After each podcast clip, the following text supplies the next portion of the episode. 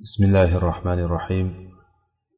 الحمد لله رب العالمين والصلاة والسلام على أشرف الأنبياء والمرسلين وعلى آله وأصحابه أجمعين. أما بعد اللهم يسر ولا تعسر وسهل علينا وتمم بالخير. رب اشرح لي صدري ويسر لي أمري واحلل عقدة من لساني يفقه قولي.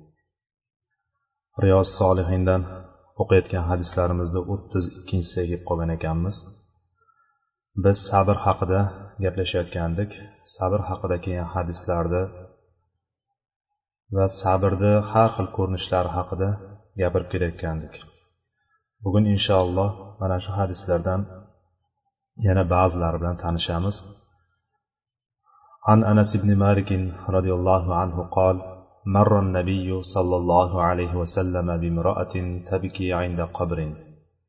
فقال اتق الله واصبري فقالت إليك عني فإنك لم تصب بمصيبتي ولم تعرفه. فقيل لها إنه النبي صلى الله عليه وسلم. فأتت باب النبي صلى الله عليه وسلم فلم تجد عنده بوابين فقالت لم أعرفك فقال إنما الصبر عند الصدمة الأولى متفق عليه bu hadisni bizga anas ibn molik roziyallohu anhu rivoyat qilyapti bu kishini hayotlari bu kishini kim bo'lganligi haqida tanishgandik ya'ni bu kishi payg'ambarimiz sollallohu alayhi vasallamni xizmatlarida o'rtacha hisobda oladigan bo'lsak o'n yilga yaqin xizmat qilganlar. Payg'ambarimiz sollallohu alayhi vasallamga xizmat qilib e, payg'ambarimizni xodimlari degan laqabni olgan sahobalardan bittasi bu kishi bizga rivoyat qilyaptiki payg'ambarimiz sollallohu alayhi vasallam bir ayolni yonidan o'tdi. Bu ayol bir qabrni yonida yig'lab o'tirardi. Bu rivoyatni boshqa rivoyatda ya'ni muslimni rivoyatida aytadiki tabki ala sobiyin laha. Ya'ni bir bolasi ya'ni go'dak bolasi o'lgan go'dak bolasini ustida ya'ni qabrini ustida yig'lab o'tirganligi imom muslimni rivoyatlarida kelyapti. Ya'ni qabr demak go'dak bolaniki ekan ya'ni o'sha bolasiniki ekan. O'sha bolasini qabrini ustida yig'lab o'tirganini ko'rgan payg'ambarimiz sollallohu alayhi vasallam unga aytdiki ittaqillaha vasbiri dedi. Allohga taqvo qilgin. Allohdan qo'rqqin va sabr qilgin dedilar. Shunda boyagi ayol nima dedi? Faqolat ilayka anni. Yo'lingdan qolma deymizu xuddi shunga o'xshab turib men bilan ishing bo'lmasin nari tur dedi. Va davomida aytdiki fa innaka lam tusob bi musibati va lam ta'rifu dedi. Chunki sen chunki senga mendagi musibat yetgani yo'q shuningdek valam tarifu buni nimaligini ham bilmaysan dedi.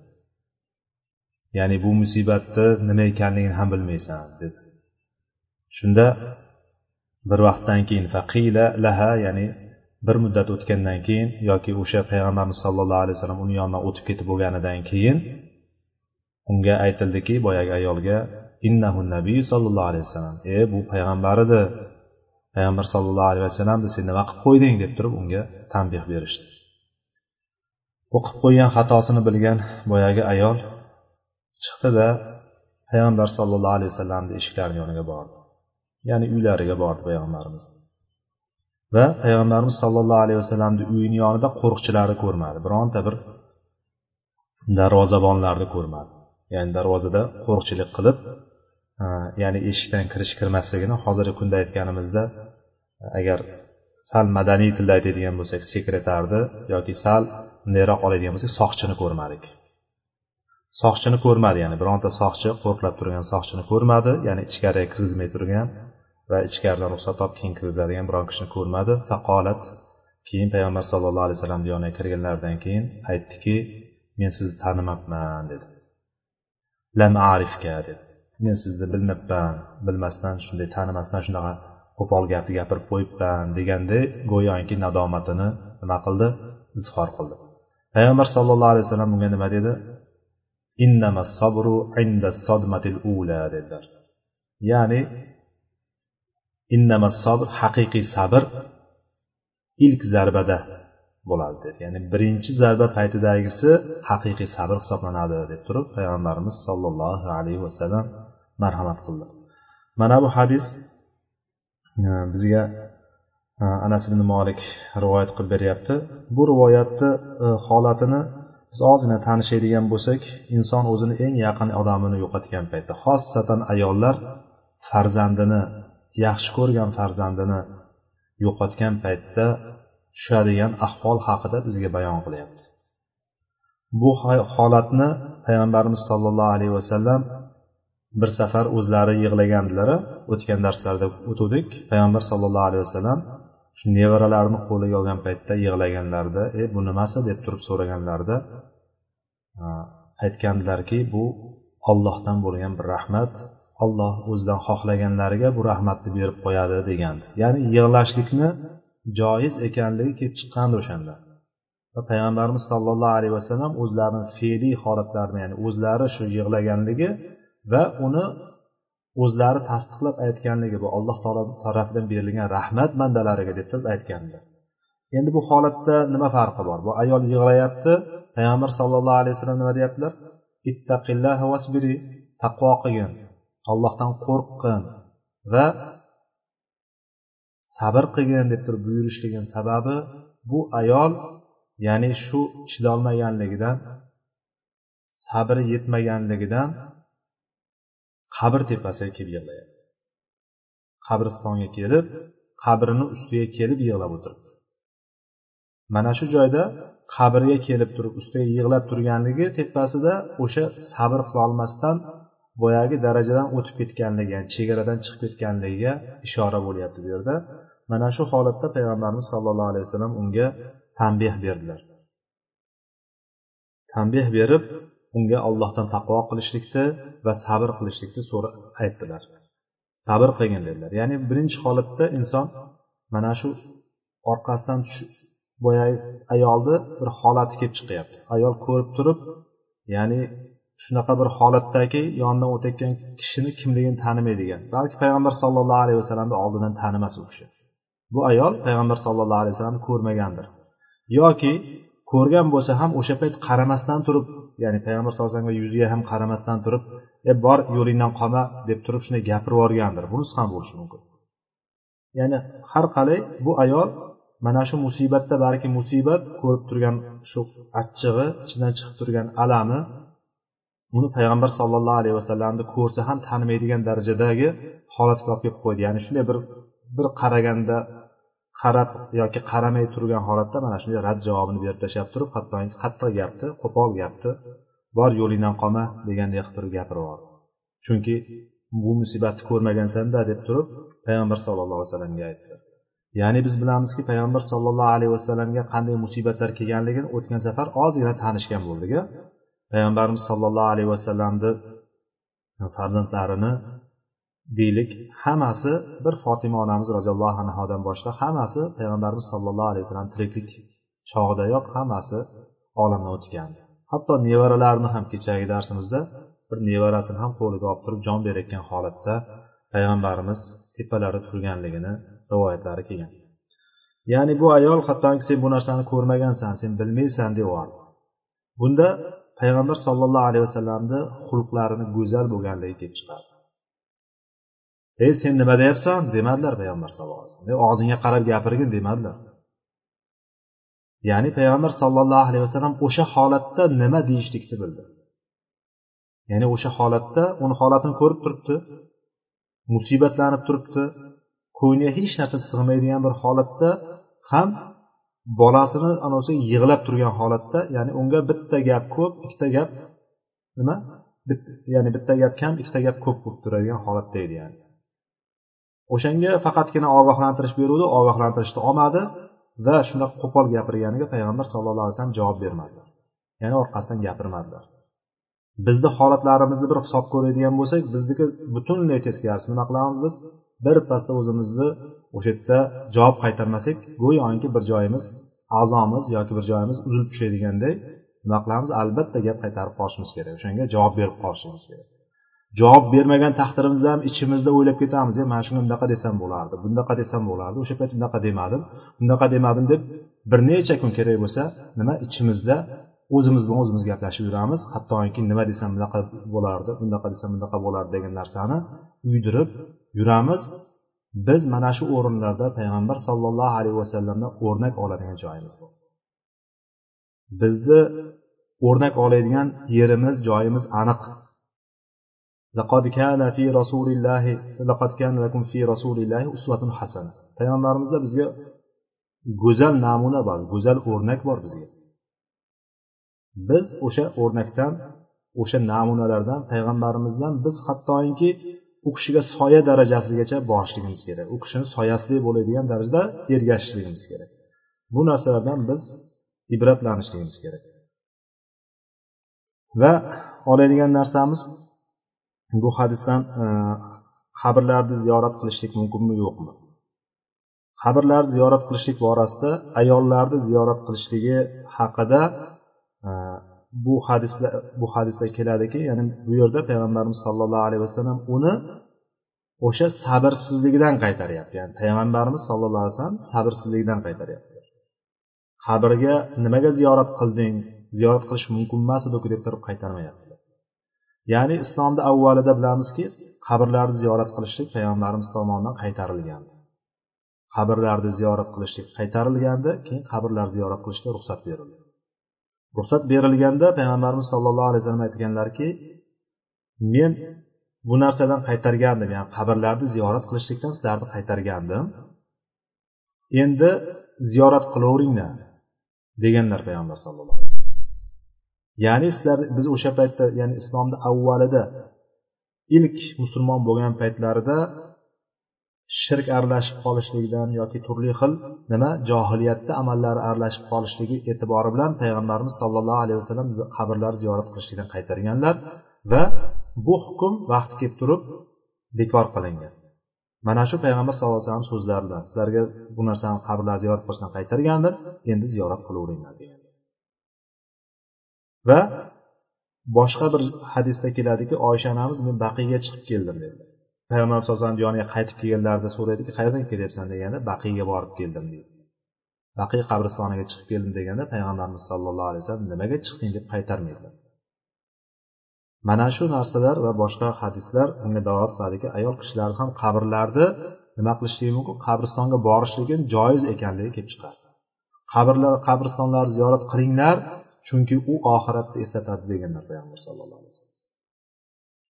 Ya'ni maqsad nima bo'lishligi kerak? Borganda o'sha yerda dodvoy solib yig'lab boshqa qilishlik emas yoki bo'lmasam qabristondagi qabrlarni hurmatini oyoq osti qilib ya'ni ichidan qabrlar ustidan yurishlik yoki ustiga o'tirishlik emas. Nima? Borgandan keyin ularni haqqiga duo qilishlik sunnatga muvofiq duo qilib qaytishlik kerak bo'ladi. Va borganda o'sha yerga men ham kelaman bir kun degan narsani E, qalbga kelishligi va o'sha yerdagi birinchi kelib boradigan joyimiz oxiratda ya'ni bu dunyo bilan oxiratni o'rtasida bizga aniq ko'rinib turgan narsa qabr bo'lganligi e'tibori bilan qabr bizga oxiratni eslatsagina borishligimiz kerak bo'ladi. Eslatmayotgan bo'lsa biz eslatishga harakat qilishligimiz kerakki bu hadisda payg'ambarimiz sallallohu alayhi vasallam aytganlarki oxiratni eslatadi degan. Biz hozirgi qabristonlarga boradigan bo'lsak faqat dunyoni eslatadi. Baland baland maqbaralar qurib qo'ygan marmardan toshlar yasab qo'ygan qimmatbaho qirib hatto uydek qilib qo'ygan boshqa qilib qo'ygan bu narsalar asli islomga zid bo'lgan narsalar. Va bundan ko'rinadiki ortiqcha yig'lash. Ortiqcha yig'lash sabrni yo'qqa chiqarayotgan narsa ekanligi kelib chiqadi. Yuqoridagi hadisda yig'lashni ollohdan berilgan rahmat deb o'tgan bo'lsak endi ortiqcha yig'lashni nima ekan? Ortiqcha yig'lash sabrni yo'q ekanligini sabrsizlik qilayotganligini sabrga beriladigan ajrni yo'qqa chiqarish ekanligini keltirib chiqaradi. Bu nima degani inson birinchi ilk dafa musibat kelgan paytda farzandini yo'qotadimi ota onasini yo'qotadimi qarindosh urug'ini yo'qotadimi yoki eng yaxshi ko'rgan narsasini eng yaxshi ko'rgan kishisini yo'qotadimi? Yo'qotgan paytda inson nima qiladi? Qiynaladi. O'sha payt qalbdan kelayotgan narsa yig'i qalbdan chiqib kelayotgan mahzunlik ko'zlarda namoyon bo'ladi. Ko'z yig'laydi ko'zimiz yosh to'kadi. Bu buni ham chegarasi bor. Buni ham bir chegarasi borki o'shandan ortig'i ortiq ekanligi mana bu hadisdan namoyon bo'ladi. Ya'ni uyda o'tirib yig'lashligi yetmaganda yana kelib turib qabristonga ham kelib turib qabrni ustida o'tirib yig'lab o'tiribdi. Bu nima? Alloh taoloni bergan qadariga go'yoki isyon qilayotganga o'xshab qoladi. Qarshi chiqayotgan insonga o'xshab qoladi ya'ni inson deylik bir yaqin odamini yaqin insonini yo'qotdi. Olamdan o'tdi olamdan o'tgandan keyin yig'laydi to'g'ri.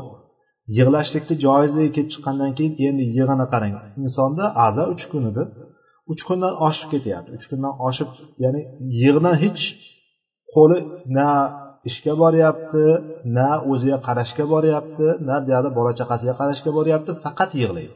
Bu narsa isyon bo'ladi bu narsa sabr emas. Payg'ambarimiz sollallohu alayhi vasallam shuning uchun aytdilarki sabr taqvo qilgin allohdan qo'rqqin dedilar. Allohdan qo'rqqin deganligini bir ishorasi nima? Ollohni bergan qadariga norozi bo'lib qolmagin degani ollohni bergan senga musibatiga norozi bo'lib qolmagin dedi. Va sabr qilgin deb turib buyurdilar. Va oxirida boyagi ayol kelib turib uzr so'ragandan keyin nima dedilar? Sabru inda sadmatil ula dedilar. Sabr qachon bo'ladi sabr? Ilk zarbada bo'ladi. Inson yig'lab yig'lab yig'lab haftalab yurib yig'lab yig'lab yig'lab yig'lab sekin sekin ko'nikib ketishligi bu sabr emas. Men sabr qildim sabr sabr qilmaganimda shunaqa bo'lmasdi degan emas. U inson ko'nikib qolishligi. Inson shunaqa narsaki unutuvchi. Hamma narsani unutaveradi insonni boshiga eng og'ir kunlarni eslab ko'ringlar mana hozir. Eng og'ir kunlaringizni bir eslab ko'ring hammamiz. O'tirib eng og'ir kunlarimiz qanaqa bo'lgan o'sha og'ir kunlarimizni har kuni eslab tura olamizmi? Har kuni eslab o'shani qiyinchilikni har kuni tortamizmi? Ta'mini? Yo'q. Alloh taolo bizga eng katta bergan ne'mati unutuvchilik ne'matini berdi. Agar inson unutmaganda edi dunyoda yasholmasdi. Har bir kelgan qiyinchilik har bir kelgan musibat har bir narsani eslab yuraversa bu to'planib to'planib nima bo'ladi? Portlab ketadi shuning uchun ilk zarbada sabr qilishlik haqiqiy sabr bo'ladi. O'rni kelganda to'xta olishlik kerak. O'rni kelganda ollohdan nima qilishlik kerak? Ajr so'rashlik kerakki biz aytuvdik oyatlarda kelgan oyatlarni tarjimasida aytuvdikki birinchi sabr qilingan paytda o'sha sabr avvalgi zarba kelgan paytda sabr qila olgan odam sabr qiladi va o'sha sabri bilan sabrlilarga beriladigan cheksiz savoblarga ega bo'ladi. Beg'oyri hisob deyilgan hisobsiz bo'lgan sabr savobga o'shanda ega bo'ladi inson. Buyoqda hamma narsani urib yiqitib sindirib boya borib turib oladigan odamidan o'chini olib tili bilanmi unga ozor yetishlik bilanmi borib turib o'zini oqlayman deb hamma tomonga sochib hamma tomonni vayron qilib u bilan bir narsa bo'lmaydi. U sabr qilishlik emas u o'ch olishlik bo'ladi. O'ch olishlik bo'ladi va birinchi o'rinda ollohni bergan ollohni qazoyi qadariga nima bo'ladi? Bu isyon bo'ladi. Mana bu hadisdan oladigan narsamiz eng katta foydamiz mana shu sabrni o'z o'rnida qila olishlik o'z vaqtida sabr qila olishlikni olishligimiz kerak. U bizni o'zimiz jasadimizga badanimizga yetadigan ozorlar bo'ladimi kasalliklar bo'ladimi yoki bizni yaqinlarimizga yetadigan narsalar bo'ladimi yoki bizni mol davlatimizga yetadigan narsalar bo'ladimi musibatlar bo'ladimi mana bu ilk kelgan paytda sabr qila olgan inson va ollohdan ajr umid qilgan inson ana o'sha kishi sabrlilarni darajasiga sabrlilarga berilgan savoblarga erishadi undan keyingi hadisimiz عن أبي هريرة رضي الله عنه أن رسول الله صلى الله عليه وسلم قال يقول الله تعالى ما لعبد المؤمن عندي جزاء إذا قبضت صفيه من أهل الدنيا ثم احتسبه إلا الجنة ravohil buxoriy bu hadisda abu hurayra roziyallohu anhu rivoyat qilyapti. Abu hurayra uffas ya'ni sahobalarni ichida eng ko'p hadis rivoyat qilgan muksirundan. Muksirunni biz aytgandik hadis ko'p rivoyat qilgan kishilarni muksirun deb turib alohida hadis terminologiyasida muhaddislarni nazarida muksirun deydi. Muksirundan ya'ni mingtadan ortiq hadis rivoyat qilgan kishini muksirunga kirgizgan va bular yettita bo'lsa o'sha yettitani ham eng tepasida turgan kishi abu hurayra roziyallohu anhu. Mana bu kishi bizga rivoyat qilyapti. Rasululloh sollallohu alayhi vasallam shunday dedilar. Alloh taolo aytadi. Ya'ni men mo'min bandalarimdan birontasini dunyo ahlidan bo'lgan bir sevimli kishisini olib qo'ysam deyapti. Sofiyahu eng yaxshi ko'rgan inson. Insonni eng yaxshi ko'rgan inson dunyo ahlidan bo'lgan eng yaxshi ko'rgan insonni oladigan bo'lsam u savob umid qilib sabr qilsa ya'ni ihtasaba ihtisob deganimizda o'tgan darslarda aytgandik ya'ni o'zini o'sha qilayotgan sabrida sabri bilan ollohdan ajr umid qilishlik. Umid qiladigan bo'lsa uni faqatgina nima bilan dedi? Evazini jannat bilan taqdirlayman dedi. Faqatgina jannat bilan taqdirlayman deb turib faqatgina jannat bilan taqdirlayman deb turib aytadi ekan bu hadis hadis qudusiy hadis qudusiy deb turib nimani aytamiz? Hadis qudusiy deb turib lafzi payg'ambar sollallohu alayhi vasallam taraflaridan aytilgan. Ma'nosi olloh tarafidan bo'lgan hadisdir. Ya'ni bunday olib qaraydigan bo'lsak hadisni boshini olib keladigan bo'lsak deylik. Imom buxoriy rivoyat qildi. Bu hadisni imom buxoriy rivoyat qilgan. Imom buxoriy rivoyati. Imom buxoriy o'zini ustozidan u uni o'zini ustozidan keladi keladi oxiri tobeinga keladi. O'rtada bir to'rtta avlod bordir beshta avlod bordir. Ya'ni besh kishi bordir to'rt kishi bordir. Abu hurayraga keladi. Abu hurayra sahobiyga kelgandan keyin sahoba bevosita payg'ambarimizdan rivoyat qiladi. Bu hadis oddiy hadisimiz ya'ni umumiy olayotgan shu paytgacha o'qib kelayotgan hadislarimizni bir ko'rinishi oxiri payg'ambarimizda tugaydi payg'ambarimiz bunday dedi degan joyda to'xtaydi. Endi payg'ambarimizdan keyin olloh dedi alloh taolo shunday dedi degan jumla qo'shiladigan bo'lsa payg'ambarimizdan keyin olloh shunday dedi degan narsa qo'shiladigan bo'lsa bu narsani hadis qudusiy deydi. Hadis qudusiylarni olimlar darajasiga ko'ra agar sahih bo'ladigan bo'lsa bu qur'on bilan hadisni o'rtasidagi bir mavqeda turadi deydi bir o'rinda turadi deydi. Bu hadisimiz demak yaqululloh taala deb aytilyapti payg'ambarimizdan. Keyin alloh taolo shunday deydi alloh taolo aytadi deb turib payg'ambarimiz xabar beryapti alloh taolodan xabar beryapti. Shundan bilamizki oldin ham aytgandik payg'ambarimizga kelgan vahiylar bittasi tilovat qilinadigan ikkinchisi tilovat qilinmaydigan holatda bo'lgan. Vahiydan tilovat qilinadigan qur'on bo'lgan qur'ondan tashqari payg'ambar sollallohu alayhi vasallamga boshqa vahiylar ham kelib turgan. O'tgan darsda ham aytuvdik boyagi uhdud ashobi uhdud uhdud egalarini qissasida aytganimizda payg'ambarimiz sallallohu alayhi vasallam o'tgan ummatlardan rivoyat qilganlar u rivoyatda albatta o'zlaridan to'qib chiqarmaganlar u narsa vahiy bilan kelgan. Vahiyni kelish shakllarini endi uni har xil shaklda kelganligini bilamiz.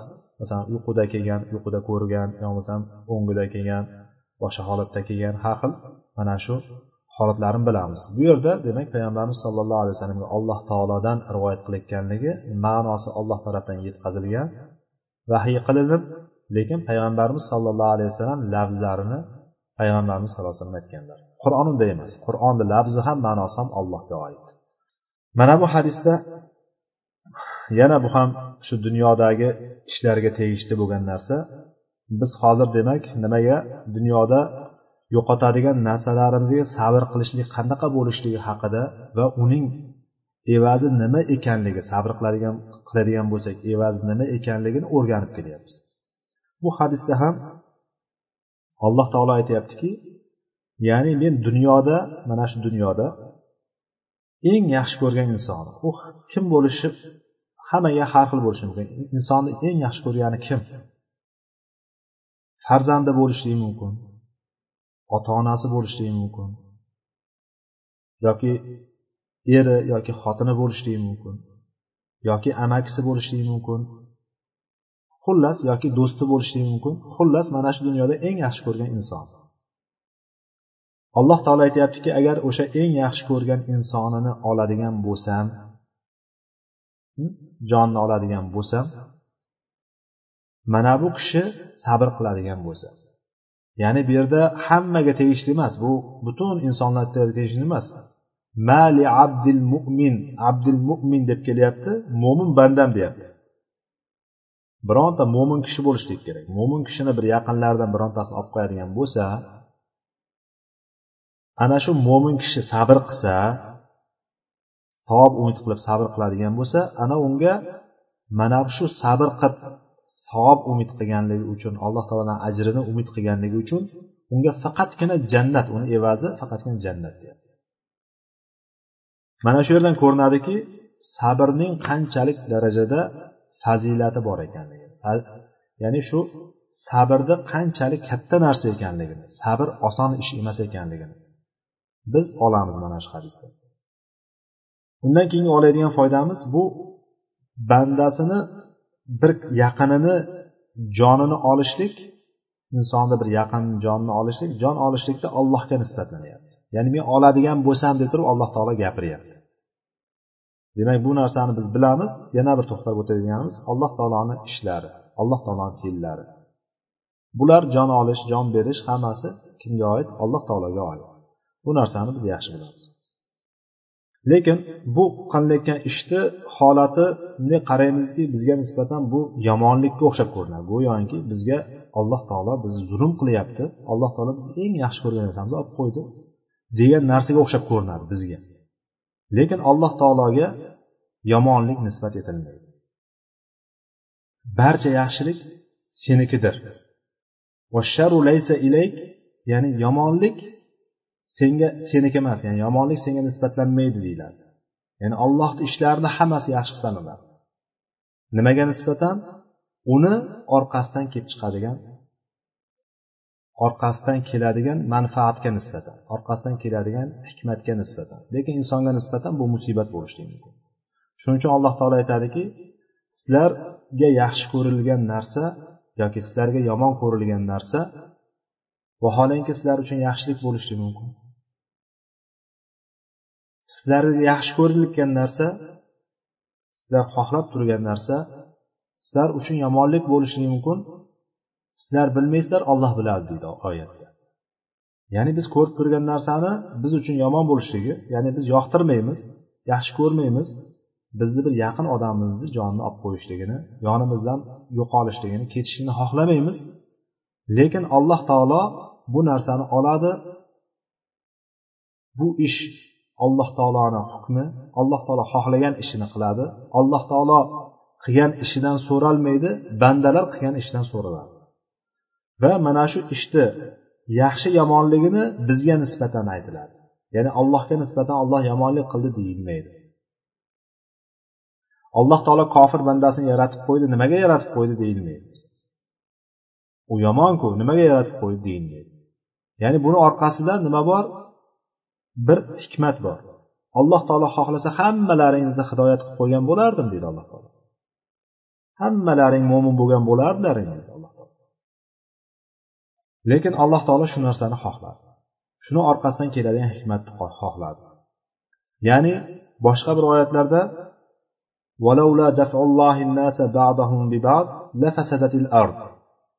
ya'ni alloh taolo bir toifa insonlar bilan boshqa toifa insonlar ya'ni ba'zisini ba'zisidan yo'qotib turmasa yer yuzida ya'ni urushlar bo'lib turmaydigan bo'lsa yer yuzida alloh taolo o'sha urushlarni bo'lishligini xohlayapti. Ya'ni yer yuzida hech bir narsa o'z o'zidan bo'lib qolmaydi. Hamma narsani nima? Alloh taolo yaratadi. O'sha urushlar bo'lmaganda edi ba'zisi ba'zisini ya'ni insonlar bir birini yo'qotib turmasa edi yer yuzi fasodga to'lib ketardi demak orqasidagi hikmat nima ekan? Yer yuzini fasodga to'lib ketmasligi. Ya'ni biz ko'ra oladigan va ko'ra olmaydigan hikmatlar bor faqat ular shuning uchun biz bilmaganligimiz aqlimizni doirasi chegarasi bo'lganligi uchun biz bularni ilmini hammasini alloh taologa qaytaramiz. Mana bu hadisdan oladigan eng katta narsamiz sabrning qanchalik darajada katta narsa ekanligi. Tasavvur qiling siz ham ollohnikisiz biz ham ollohnikimiz hammamiz ollohnikimiz olloh o'zi beruvdi boyagi kishimidi ya'ni yaqin insonimiz farzandimizmidi ota onamizmidi yaqinimizmidi kimimiz bo'lishidan qat'iy nazar. U ham ollohniki biz ham ollohnikimiz lekin alloh taolo o'zini mulkidan o'zi xohlaganini olganligi uchun ikkinchi bir mulkidan bo'lgan bir kishiga ajr beryapti. Bu qaranglar bu qanday alloh taoloni bir fazli marhamati o'zi farzand farzandimiz biz o'zimiz yasab olganimiz yo'q. Biz uni pulga sotib olganimiz yo'q. Yoki boyagi aytayotgandek mashaqqat uni yasayotgan paytimizda shunday qiynalib bir joyi kamroq bo'lib qoldi bir joyi ko'proq bo'lib qoldi deb turib masalan oddiy tasavvur qilinglar. Bir narsa qilyapsizlar. Bir narsa qilayotgan paytda har bir retseptiga qaraymiz. Bu nima ekan? Buni qo'shish kerak ekan bu soatida buni qilish kerak ekan uni qilish kerak ekan. Har bir narsani bitta narsasi noto'g'ri bo'lib qolsa ham o'sha narsa o'xshamay qoladi. Biz farzandni tasavvur qiling farzand dunyoga kelayotgan paytda bu yeri kam bo'lib qolmasin u yeri kam bo'lib qolmasin bunaqa bo'lib qolmasin bunaqa bo'lib qolmasin degan narsalarni qildikmi? Yo'q. Ya'ni bu narsani alloh taolo bizga berdi ya'ni demoqchimanki biz buni mashaqqat chekib qiynalib o'sha narsani yasab olganimiz yo'q asli. Lekin alloh taolo berdi va qalbimizga muhabbat solib qo'ydi o'shanga nisbatan mehr solib qo'ydi. Biz o'shani yaxshi ko'ramiz.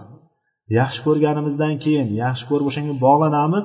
Vaholanki qiyinchilik bilan topganimiz yo'q edi uni. Lekin alloh taolo bergandi bizga.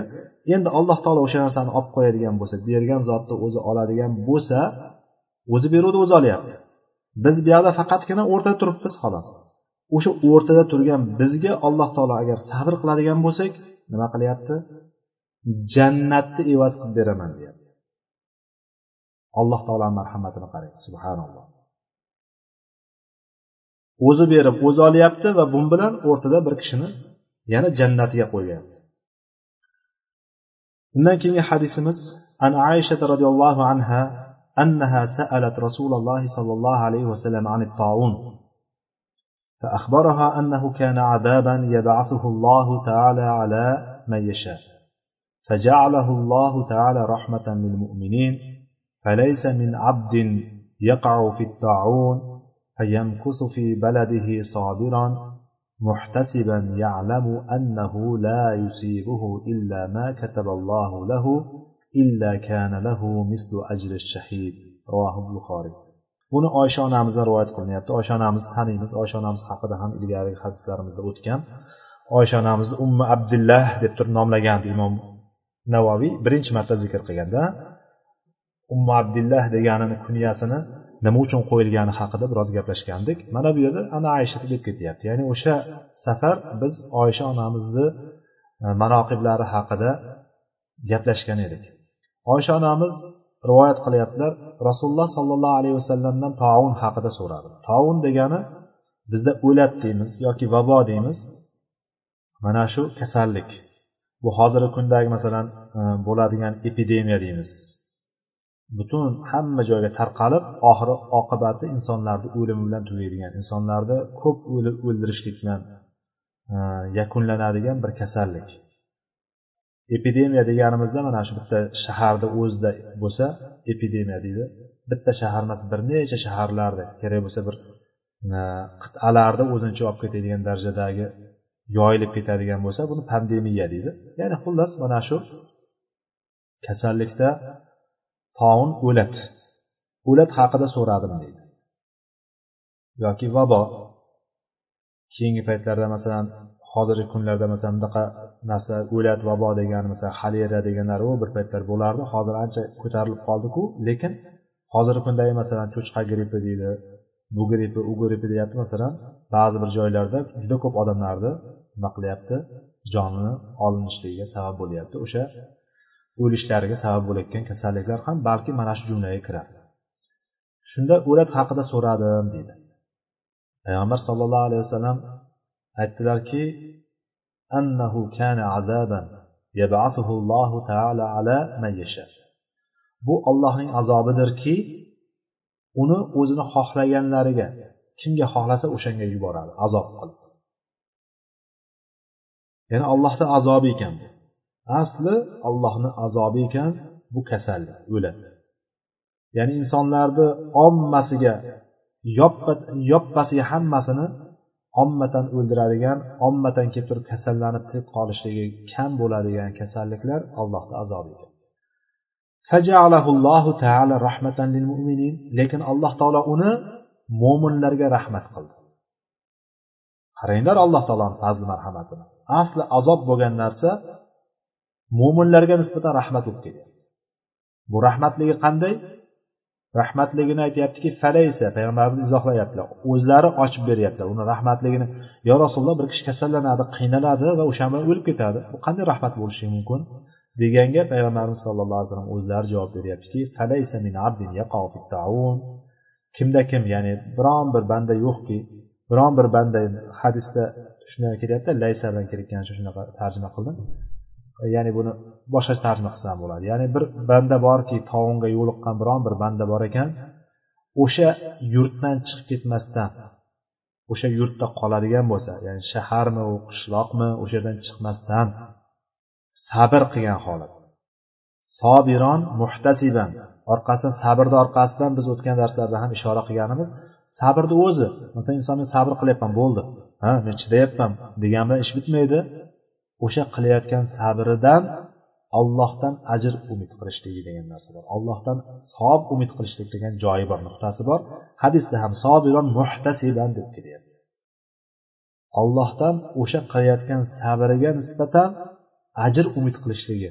Mana shu ikkita narsani ushlagan holda sabr qilib ollohdan ajr umid qilgan holatda va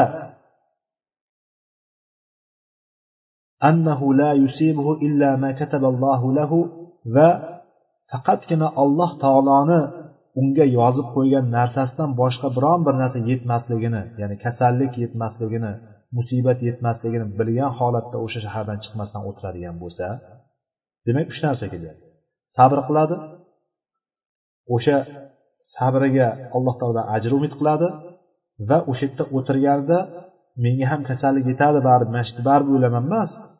Ollohni yozgandan boshqa narsa menga yetib kelmaydi degan uchta narsani o'zida qalbida jo qilgan holatda tavakkul qilgan holatda o'tiradi o'sha shaharda. Mana shunday o'tirgan kishiga mislu ajri shahid shahidning ajri mislicha savob beriladi dedilar payg'ambar sallallohu alayhi vasallam. Bu imom buxoriyni rivoyatlarida kelgan hadis ekan. Bu hadisni ustida biroz to'xtalsak ham bo'ladi yoki shunday o'tib ketsak ham bo'ladi. Mayli biroz to'xtalamiz. Ya'ni bu hadisda e, hozir kelayotgan narsa ko'rinib turgan narsa. Boshqa bir hadisda e, hali buni yanada kengroq o'tamiz yuqish borlik yo'qligi haqida ammo bu yerda qisqachagina o'tib ketamiz. Boshqa bir hadisda payg'ambarimiz sallallohu alayhi vasallam aytganlarki agar bir yerda bir joyda shu anavi eshitgan bo'lsalar agar tovon chiqqanligini vabo chiqqanligini eshitgan bo'lsa eshitadigan bo'lsalar u joyga bormanglar. Kirmanglar u joyga. Agar sizlar bor bo'lgan joyda o'sha turgan joylaringda vabo tarqaladigan bo'lsa u yerdan chiqmanglar. U yerdan undan qochgan holatda chiqmanglar deganlar payg'ambar sallallohu alayhi vasallam.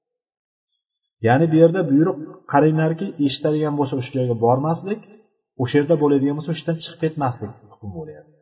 Ikkita narsani bir joyga jam qilmaydi ya'ni bu yerda ham targ'ib qayerga bo'lyapti? O'sha shahardan chiqib ketmaslikka targ'ib bo'lyapti.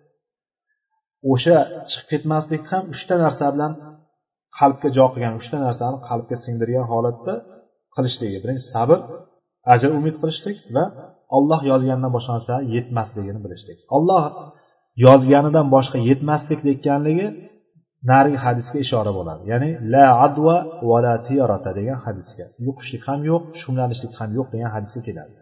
Ya'ni yuqishni yo'qligi nima bilan? Alloh taoloni yozganidan tashqari narsa kelmasligiga iymon keltirishlik degani lekin inson kirmaslik kirmanglar kirganlar chiqmanglar degani o'sha tahlika bor aslida.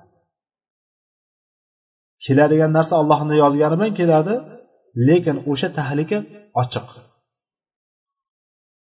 O'sha tahlikani ochiqligi jihatidan kirmaymiz ham chiqmaymiz ham.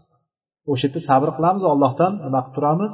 Yozganigina yetadi degan holatda turamiz. Ana o'shandagina nima deyapti ana o'shanda shahidni ajri beriladi. Shahidni ajrini bilamiz biz eng katta ajrlardan bittasi ekanligini biz yaxshi bilamiz. Shahid bo'lib qolmaydi u ya'ni aniq borib jang maydonida o'lgan olloh uchun o'lgan alloh kalimasini oliy qilgani bilan baravar bo'ladi degani emas bu. Hukman shahidni ajrini oladi. Ya'ni shahid bo'lib qolmaydi u. Hukman shahid bo'ladi. Agar o'ladigan bo'lsa unga kasallik yetib turib o'sha kasallik bilan vabo bilan o'ladigan bo'lsa shahid bo'ladi. Hadislarda keladiki boshqa hadislarda bu vabodan o'lgan shahiddir degan hadis keladi masalan. Vabodan o'lgan shahiddir. Bu hadis boyagi aytayotganimizdek hozirgi hukman shahid bo'ladiganlar turkumiga kiradi. Ya'ni boyagi to'lg'oq tutib turgan holatda o'ladigan bo'lsa shahiddir deydi. Bir narsa bosib qolib o'ladigan bo'lsa shahiddir. Vabodan o'ladigan bo'lsa shahid qorni og'riqdan o'ladigan bo'lsa shahid. Undan keyin zotil jam deb keladi hadisda. Zotil jam degani o'pka kasalliklari asli. O'sha ichki kasalliklar o'sha ichki kasalliklar bilan o'ladigan bo'lsa shahid yo bo'lmasam boyagi aytayotgan cho'kib o'ladigan bo'lsa shahid bular hammasi hukman shahid bo'ladi. Ya'ni shahidga beriladigan ajr bunga ham beriladi lekin u shahid bilan barobar bo'la olmaydi. Ya'ni shahidlar tiriladigan joyda tirilolmaydi allohu alam. Shuning uchun yana boshqa bir hadisda taun mana shu vabo har bir musulmon uchun shahidlikdir deganlar. Buxoriy rivoyatda keladi. Oysha onamizdan kelgan bir rivoyatga ko'ra vabodan qochishlik jang maydonidan qochishlik bilan barobardir degan jangdan qochishlik kabidir deganlar biz jangdan qochishlik haqida jangdan qochib ketishlik haqida bir darsimizda aytib o'tib ketgandik shu yettita halok qiluvchi narsalardan bittasini mana shu jangdan qochishlik ya'ni jang maydonini tashlab ketishlik haqida aytgandik. Bu ham yettita halok qiluvchi gunohlarni ichida sanalgan. Biri oysha onamizdan kelgan rivoyatda mana shuni deyilgan ekan. Ya'ni o'sha e, vabodan qochgan kishi jang maydonidan qochgan kishiga o'xshaydi deb kelgan ekan. Mana bundan ko'ramizki biz jannatni e, shunchalik darajada jannatga erishishlikka ya'ni sabr kerak ekanligini sabr o'z o'zidan bo'lmasligi ya'ni bu narsa qiyin. Chunki jon bilan olishib turadi. Bu yerda ko'rib turibsiz yoningizda hammasi kasallik tarqalgan. Inson kerak bo'lsa shunaqa bir qattiq holatlarda shunaqa bir tahlikali holatlarda inson o'zidan boshqani o'ylamay qoladi. Eng yaxshi ko'rgan insonni ham kerak bo'lsa tashlab qochib ketib qoladi kerak bo'lsa. Jon achchig'i deymizu. Jon achchig'i kelgan paytda inson faqat o'zini o'ylaydigan bo'lib qoladi. O'sha holatda turib o'sha holatda turgan holatda nima qilyapti sabr qilib turibdi o'sha sabrdan keyin ollohdan savob umid qilishlik mana bu kishiga nima delar ekan shahidlikni shahidga beriladigan ajrni savobini berib qo'yadi ekan alloh taolo sabr bilan bizni rizqlantirsin undan keyingi hadis عن أنس بن مالك رضي الله عنه قال سمعت رسول الله صلى الله عليه وسلم يقول إن الله عز وجل قال إذا ابتليت عبدي بحبيبتيه فصبر عوضته منهما الجنة يريد, يريد عينيه debdi imom navoiy ravohil buxoriy hadis anas ibn molik payg'ambarimiz sallallohu alayhi vasallam xodimlari bo'lgan anas ibn molikdan rivoyat qilinyapti rasululloh sollallohu alayhi vasallamdan shunday deyayotganligini eshitdim deb turib anas ibn molik aytyaptilar innalloh azza va jalla qol. Bu yerda ham kelayotgan rivoyat payg'ambarimizda tugamayapti innalloh azza va jalla qol. Oxirgi hadisda bizga aytayotgan matnni bizga aytayotgan kishi kim bo'lyapti? Zot olloh bo'lyapti. Oxiri ollohga kelyapti. Bu ham nima ekan? Hadisi qudusiy ekan. Bugungi yuqorida aytgan hadisimizga o'xshagan. Olloh taolo aytdi deb turib payg'ambarimiz sollallohu alayhi vasallam bizga aytyapti. Alloh taolo aytar ekanki agar biror bandamni ikki ko'zini shikastlasam ya'ni ikki ko'zini olib qo'ysam degani ibtalaytuhu ibtalaytu abdi ya'ni bir bandamni ikki ko'zi bilan musibatlasam ikki ko'zini olishlik bilan uni sinasam fasabara o'sha banda bunga sabr qiladigan bo'lsa u ikkalasini evaziga jannat bilan taqdirlayman dedi alloh. U ikkalasini evaziga jannatni beraman dedi alloh. Ya'ni yuqorida aytganimizga o'xshash. Ya'ni alloh taolo berdi bizga ko'zimizni yo so'rab oldikmi ko'zimizni. Qani qaysi birimiz so'radik? Homilada ekanmiz. Ollohim menga ikkita ko'z ber va ikkita ko'zimni rangi qora bo'lsin. Yo bo'lmasam bundaqa bo'lsin. Undaqa bo'lsin va ko'zim yaxshi ko'rsin. Ranglarni ajrata olsin degan narsani so'radikmi? Yo'q. Alloh taolo o'zi berdi. O'zi bergan narsasini o'zi olyapti o'sha olgan paytda alloh taolo beruvdi alloh taolo oldi degan narsa bilan banda sabr qiladigan bo'lsa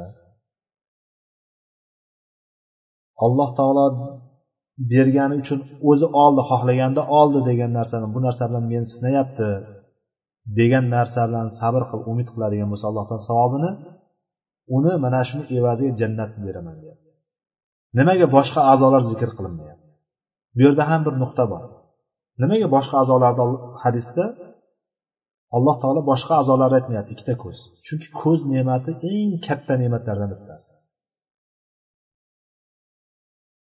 Eng katta ne'matlardan bittasi. Masalan biz bilamiz sezgi a'zolar deb qo'yamiz. Sezgi a'zolarimiz beshta bo'ladigan bo'lsa o'shalardan eng ahamiyatlisi bittasi quloq ikkinchisi ko'z bo'ladi. Uchinchisi til bo'ladi ya'ni gapirishligimiz nutq. Undan keyin hid bilish ta'm bilish degan narsalar bor. Xo'sh mana shulardan eng asosiysi bittasi nima ekan? Ko'z ekan. Bu ko'z ne'mati eng katta ne'matlardan bu ne'matni yo'qotgan kishigina biladi. Qadri nimaligini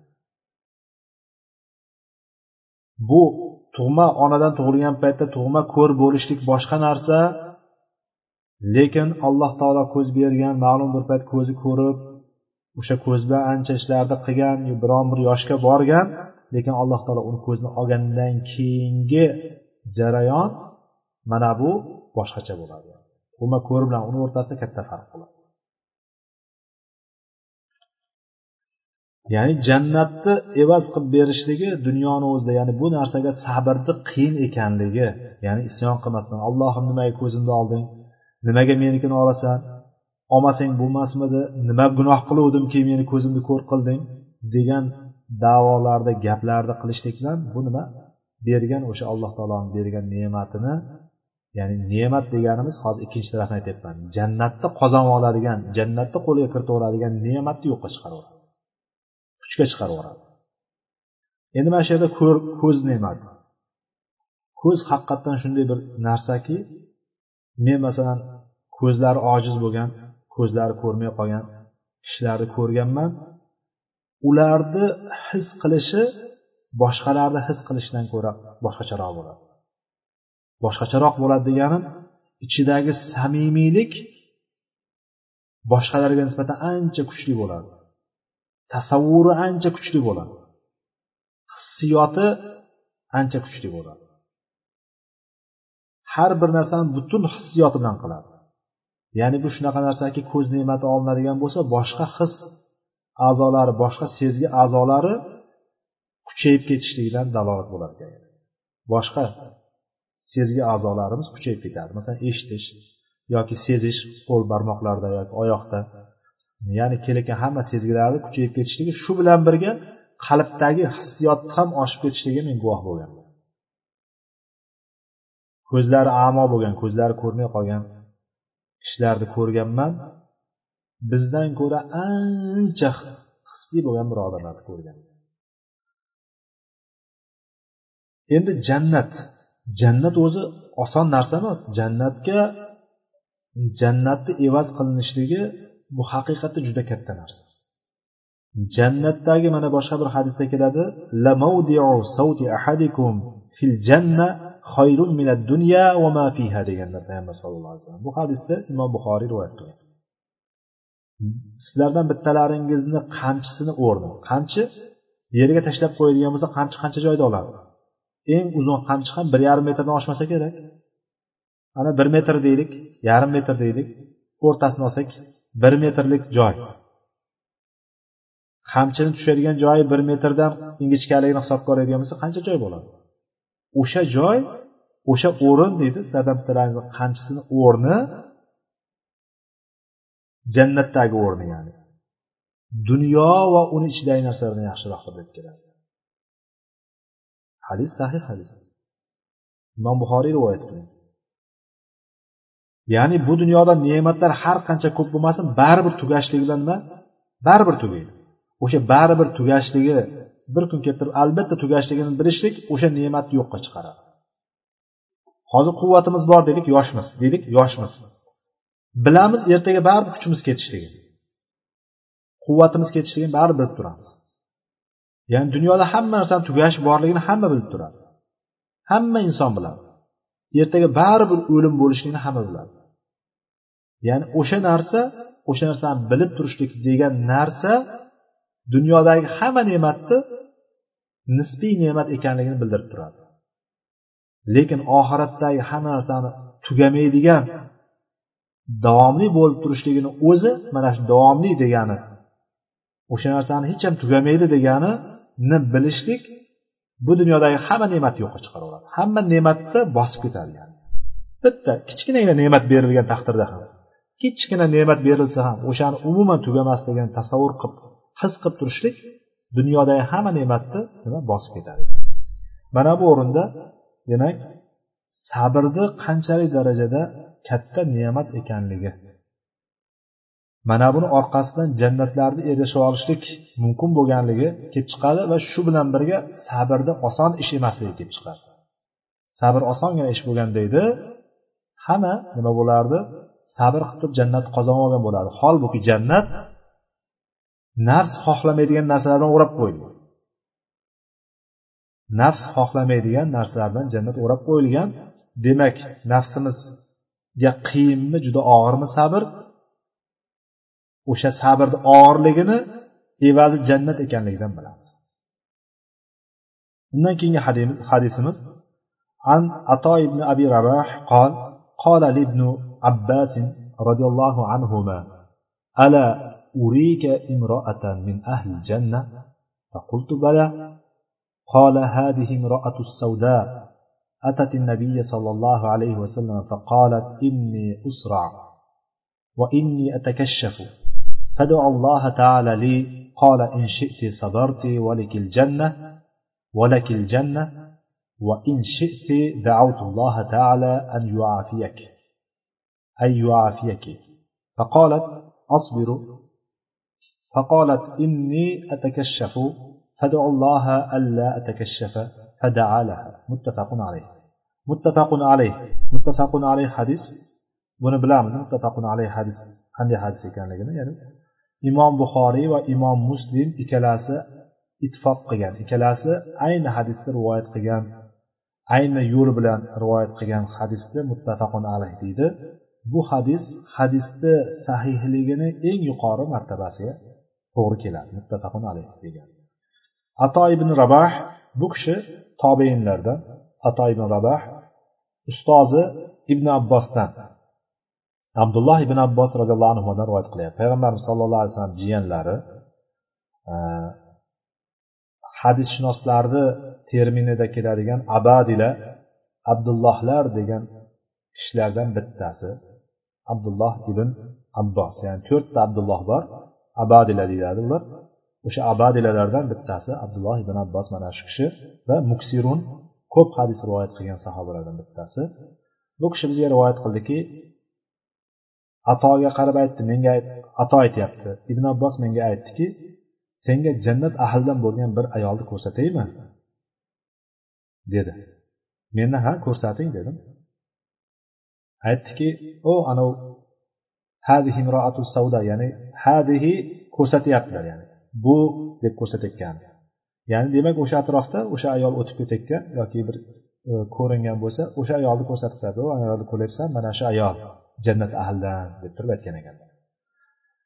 O'sha ayol atatin nabiya sallallohu alayhi buni nima sababdan jannatiy ekanligini ibn abbos aytyapti. U ayol payg'ambar sallallohu alayhi vasallam yoniga keldi va dediki men shu e, tutqanog'im tutadi dedi. Inni usrau men tutqanog'im tutib qoladi tutqanog'im bor dedi. Va tutqanog'im tutgan paytda atakashafu badanim ochilib qoladi avratlarim ochilib qoladi dedi. Va menga duo qiling alloh taolo shifo bersin deganday qilib duo qiling menga mana shuni dedi. Aytdiki payg'ambarimiz sollallohu alayhi vasallam agar istasang sabr qil. Inshitti sabarti agar sabr qilishni xohlasang sabr qilginki valakil janna buni evaziga senga jannat bo'ladi alloh taolo bitta aybni kasallikni beradigan bo'lsa o'sha kasallikka sabr qiladigan bo'lsa inson nima qiladi? Bu yerda ham aytyaptiki jannat bo'ladi senga agar istasang men alloh taologa duo qilaman. Senga ofiyat berishligini ya'ni senga shifo berishligini duo qilaman dedi. Shunda ayol aytdiki asbiru dedi. Nimaga? Ya'ni yo'q men sabr qilaman dedi. Chunki jannat naqd bo'lib turibdi. Inson jannat naqd bo'lib turgan holatda jannatni oladimi yoki boshqa narsani tanlaydimi bu qiynaladi o'sha kasallikdan yiqiladi yiqilib tushadi. Bu epileptik e, holatlar ya'ni epilepsiya deymiz.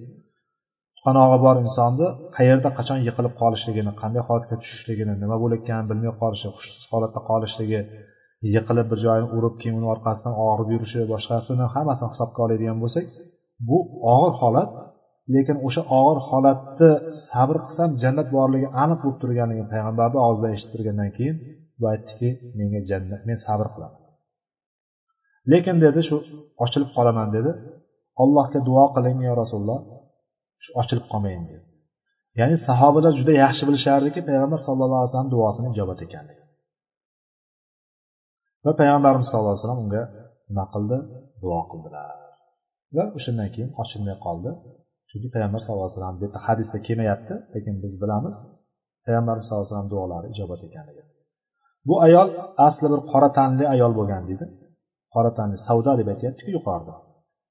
Ya'ni qora ayol degan. Qora tanli ayol habashistonlik bir ayol. Boshqa rivoyatlardan keladi. Habashistondan bo'lgan. Ayol uzun bo'yli bir ayol bo'lgan ekan. Buni kunyasi ummu zufar degan ayol bo'lgan ekan. Mana shu ayol kelib turib so'raydi. Biz mana shu o'rinda ozgina to'xtalib o'tishimiz mumkin bo'lgan joyi bu yerda sabr qilsa jannat ya'ni kasallik alloh taolo qanday kasallik bergan bo'lsa o'shanga sabr qilishlik nima ekan? Orqasidan jannatni olib kelar ekan. U qanday bu yerda faqat kasalliklar haqida ketyapti? Hali biz keyingi hadislardan bu narsani faqat kasalliklarni o'zigagina tegishli emas ekanligini ko'ramiz. Alloh taolo bizga nima beradigan bo'lsa o'shanga sabr qiladigan bo'lsak g'am tashvish e, og'riq qayg'u nima keladigan bo'lsa o'shanga sabr qiladigan bo'lsak o'shani orqasidan jannat bo'lishligini hali keyingi hadislarda inshaalloh o'tamiz. Demak mana shu yerda nima bo'lishidan qat'iy nazar insonga berilgan musibatga sabr qilsa orqasidan jannat bor ekan. Mana bu hadisdan o'sha narsa tushunilyapti. Endi bu yerda tutqanoq. Tutqanoqni ikki xil ko'rinishini borligini olimlar hammasi tasdiq qilishgan. Hammasi deganimizda aksariyat. Ya'ni ba'zi olimlar ikkinchi turini tan olishmagan. Ya'ni o'shalardan birinchi turi haqiqiy kasallik epilepsiya kasallik deymiz. Epilepsiya kasallikni o'sha sababi bor. O'sha miyadagi o'sha yerdagi organik buzilishlar hisobiga kelib chiqadi. Ikkinchi turi jinlar hisobiga kelib turadigan ya'ni biz bilamiz shu jinlarni insonga ta'sir qilishligi borligini. Insonlarga ichiga kirib turib o'sha narsani keltirib chiqarishligini bilamiz. Jin va shaytonlarni. mana bu narsaga oyatdan ham hadisdan ham va ulamolarni so'zlaridan ham dalillar kelgan insonga o'sha narsani ta'sir qilishligini oyatdan kelgan dasrda الذين يأكلون الربا لا يقومون إلا كما يقوم الذي يتخبطه الشيطان من المس degan oyat baqara surasidagi ya'ni ribo yeb yuruvchi sudxo'rlik qilib yuradigan sudxo'rlikdan keladigan puldan yeb yuradigan kishilar qiyomat kunida turolmaydi turgan taqdirda ham qanday holatda shayton chalib ketgan inson turganga o'xshab turadi deydi ya'ni shayton chalgan kishiga o'xshab turadi deydi o'sha shayton kishiga chalgan kishiga o'xshab turishligini tikka turadi yuzi bilan tushaveradi yiqilib. Tikka turib yuzi bilan qayta qayta tushaverishligini e, aytishadi mana shuni shayton chalib ketgan mana shu epilepsiyani bir ko'rinishi deydi. Mana shu tuqqanoqni bir ko'rinishi deydi bu jinlar bilan ta'sir qiladi va hadisdan bo'ladigan dalil insonga jinni ta'sir qilishda imom ahmadni musnatlarida keladi. Bu hadisda hasan darajasida ya'ni sahihun deydi. Hasan darajasida ya'ni hujjat bo'la oladigan e, tarzdagi hadis. Buni payg'ambarimiz sollallohu alayhi vasallamni bir safarlarida bir ayolni yonidan o'tadilar bir ayolni yonida uni bir e, bolasi bo'ladi. Bolasi shu tutqanog'i bo'ladi deydi. Tutqanoq tutayotgan bolasi bo'ladi. Payg'ambar sallallohu alayhi vasallamga olib keladi o'sha bolasini tutqanoq tutayotgan bolasini. Payg'ambar sollallohu alayhi vasallam o'shanda jin bilan gaplashadi deydi. Payg'ambarimiz gapiradi bola javob beradi jin ichidagi jin javob beradi yani. Va jin chiqadi. Payg'ambarimiz sallallohu alayhi vasallam uni aytganlaridan keyin o'sha o'qiganlaridan keyin o'sha bilan gapirib gaplashgandan keyin jin chiqadi. Jin chiqib ketgandan keyin o'sha bolani onasi payg'ambarimiz sallallohu alayhi o'sha ishiga hadya beradi. Mana bu narsa imom ahmadni musnatlarida kelgan hadis. Mana bu sunnatdan bo'ladigan bo'lsa boshqa ahli ilmlardan kelgan ibn taymiya rivoyatlar ibn taymiyani holatdan bir rivoyat keladi. Bu rivoyatda ibn qoyim rahimaulloh shogirdlari ya'ni mm, ibn taymiyani o'sha kishi aytib beradi bir kishi olib kelindi. Bir kishi olib kelingandan keyin ya'ni mana shunaqa tutqanoq tutadigan bir kishini tutqanoq tutib yiqilib qoladigan mana shunaqa jinlangan bir kishini olib keldi. U kishi o'qidi deydi uni. Rosa o'qidi o'qigandan keyin unga rosa xitob qildi. O'qigandan keyin boyagi unga gaplashib boshladi. O'qigandan keyin gaplashib boshladi deydi boyagini. Chiqqin deb turib ollohdan qo'rqqanda chiqqin deb so'radi deydi. Aytdi deydi. Boyagi kirib olgan ayol kishi ekan. Erkak kishi kirib olgan jin ayol kishi ekan aytadiki ibn qoyim aytib beryapti. Ya'ni nimaga chiqmaysan deb so'ragan paytda boyagi aytadi ekanki men buni yaxshi ko'rib qolganman bu erkakni yaxshi ko'rib qolganman shuning uchun chiqmayman. Shayxul islom rahmaulloh aytibdiki unga yo'q chiqasan chunki u seni yaxshi ko'rmaydi sen uni yaxshi ko'rganing bilan. Deydigan bo'lsa yo'q men uni chiqmayman. Oxiri natija shunaqaga olib keladiki boya chiqmasdan turib olgandan keyin ibn taymiya rahimaulloh boyagi kishini shunaqa qattiq uradi ekan ya'ni tinimsiz urganidan hattoki qo'llari og'rib ketadi ekan urib boyagini. Boshqa rivoyatlarda aytishadi shuni e, bo'yniga urganligi rivoyat keladi deydi. Urgandan keyin boyagi jin qiynalganidan aytar ekanki ana ahruju karomata shayx men mana shu shayxga ya'ni ibn taymiya nazarda tutyapti mana shu shayxga karomat bo'lsin deb chiqaman bo'lmasam chiqmasdim deganday qilib turib mana shu kishiga karomat bo'lishligi uchun chiqaman deganda ibn taymiya aytadiki yo'q menga karomat bo'lish uchun chiqmagin allohga va rasuliga itoat qilgan holatda chiqqin deb turib boyagini qiynavergandan keyin oxiri chiqib ketadi ekan. Chiqib ketgandan keyin e, boyagi kishi o'ziga keladi ekan. O'ziga kelgandan keyin shayx ketadi o'ziga kelgandan keyin odamlar so'rashadi odamlardan so'raydi ekan boyagi kasal bo'lgan odam. Shayx kelgan paytda nima bo'ldi menga? Deganda odamlar subhanalloh shuncha qattiq urdi sen sezmadingmi? deganda yo'q hech narsani sezmadim deganligi rivoyati keladi. Ya'ni bu degani e, jinlarni ta'siri bo'lishligi insonlarga jinlar jinlanib qolishlik borligi va mana shu jinlanishlik boyagi aytayotganday e, demakki bu yerda payg'ambarimiz sallallohu alayhi vasallam duo qilaman deganidan undagi e, kishi undagi holatni jindan emas nimadanligini e, buni kasallik ekanligini payg'ambarimiz sallallohu alayhi vasallam bilganligi kelib chiqadi.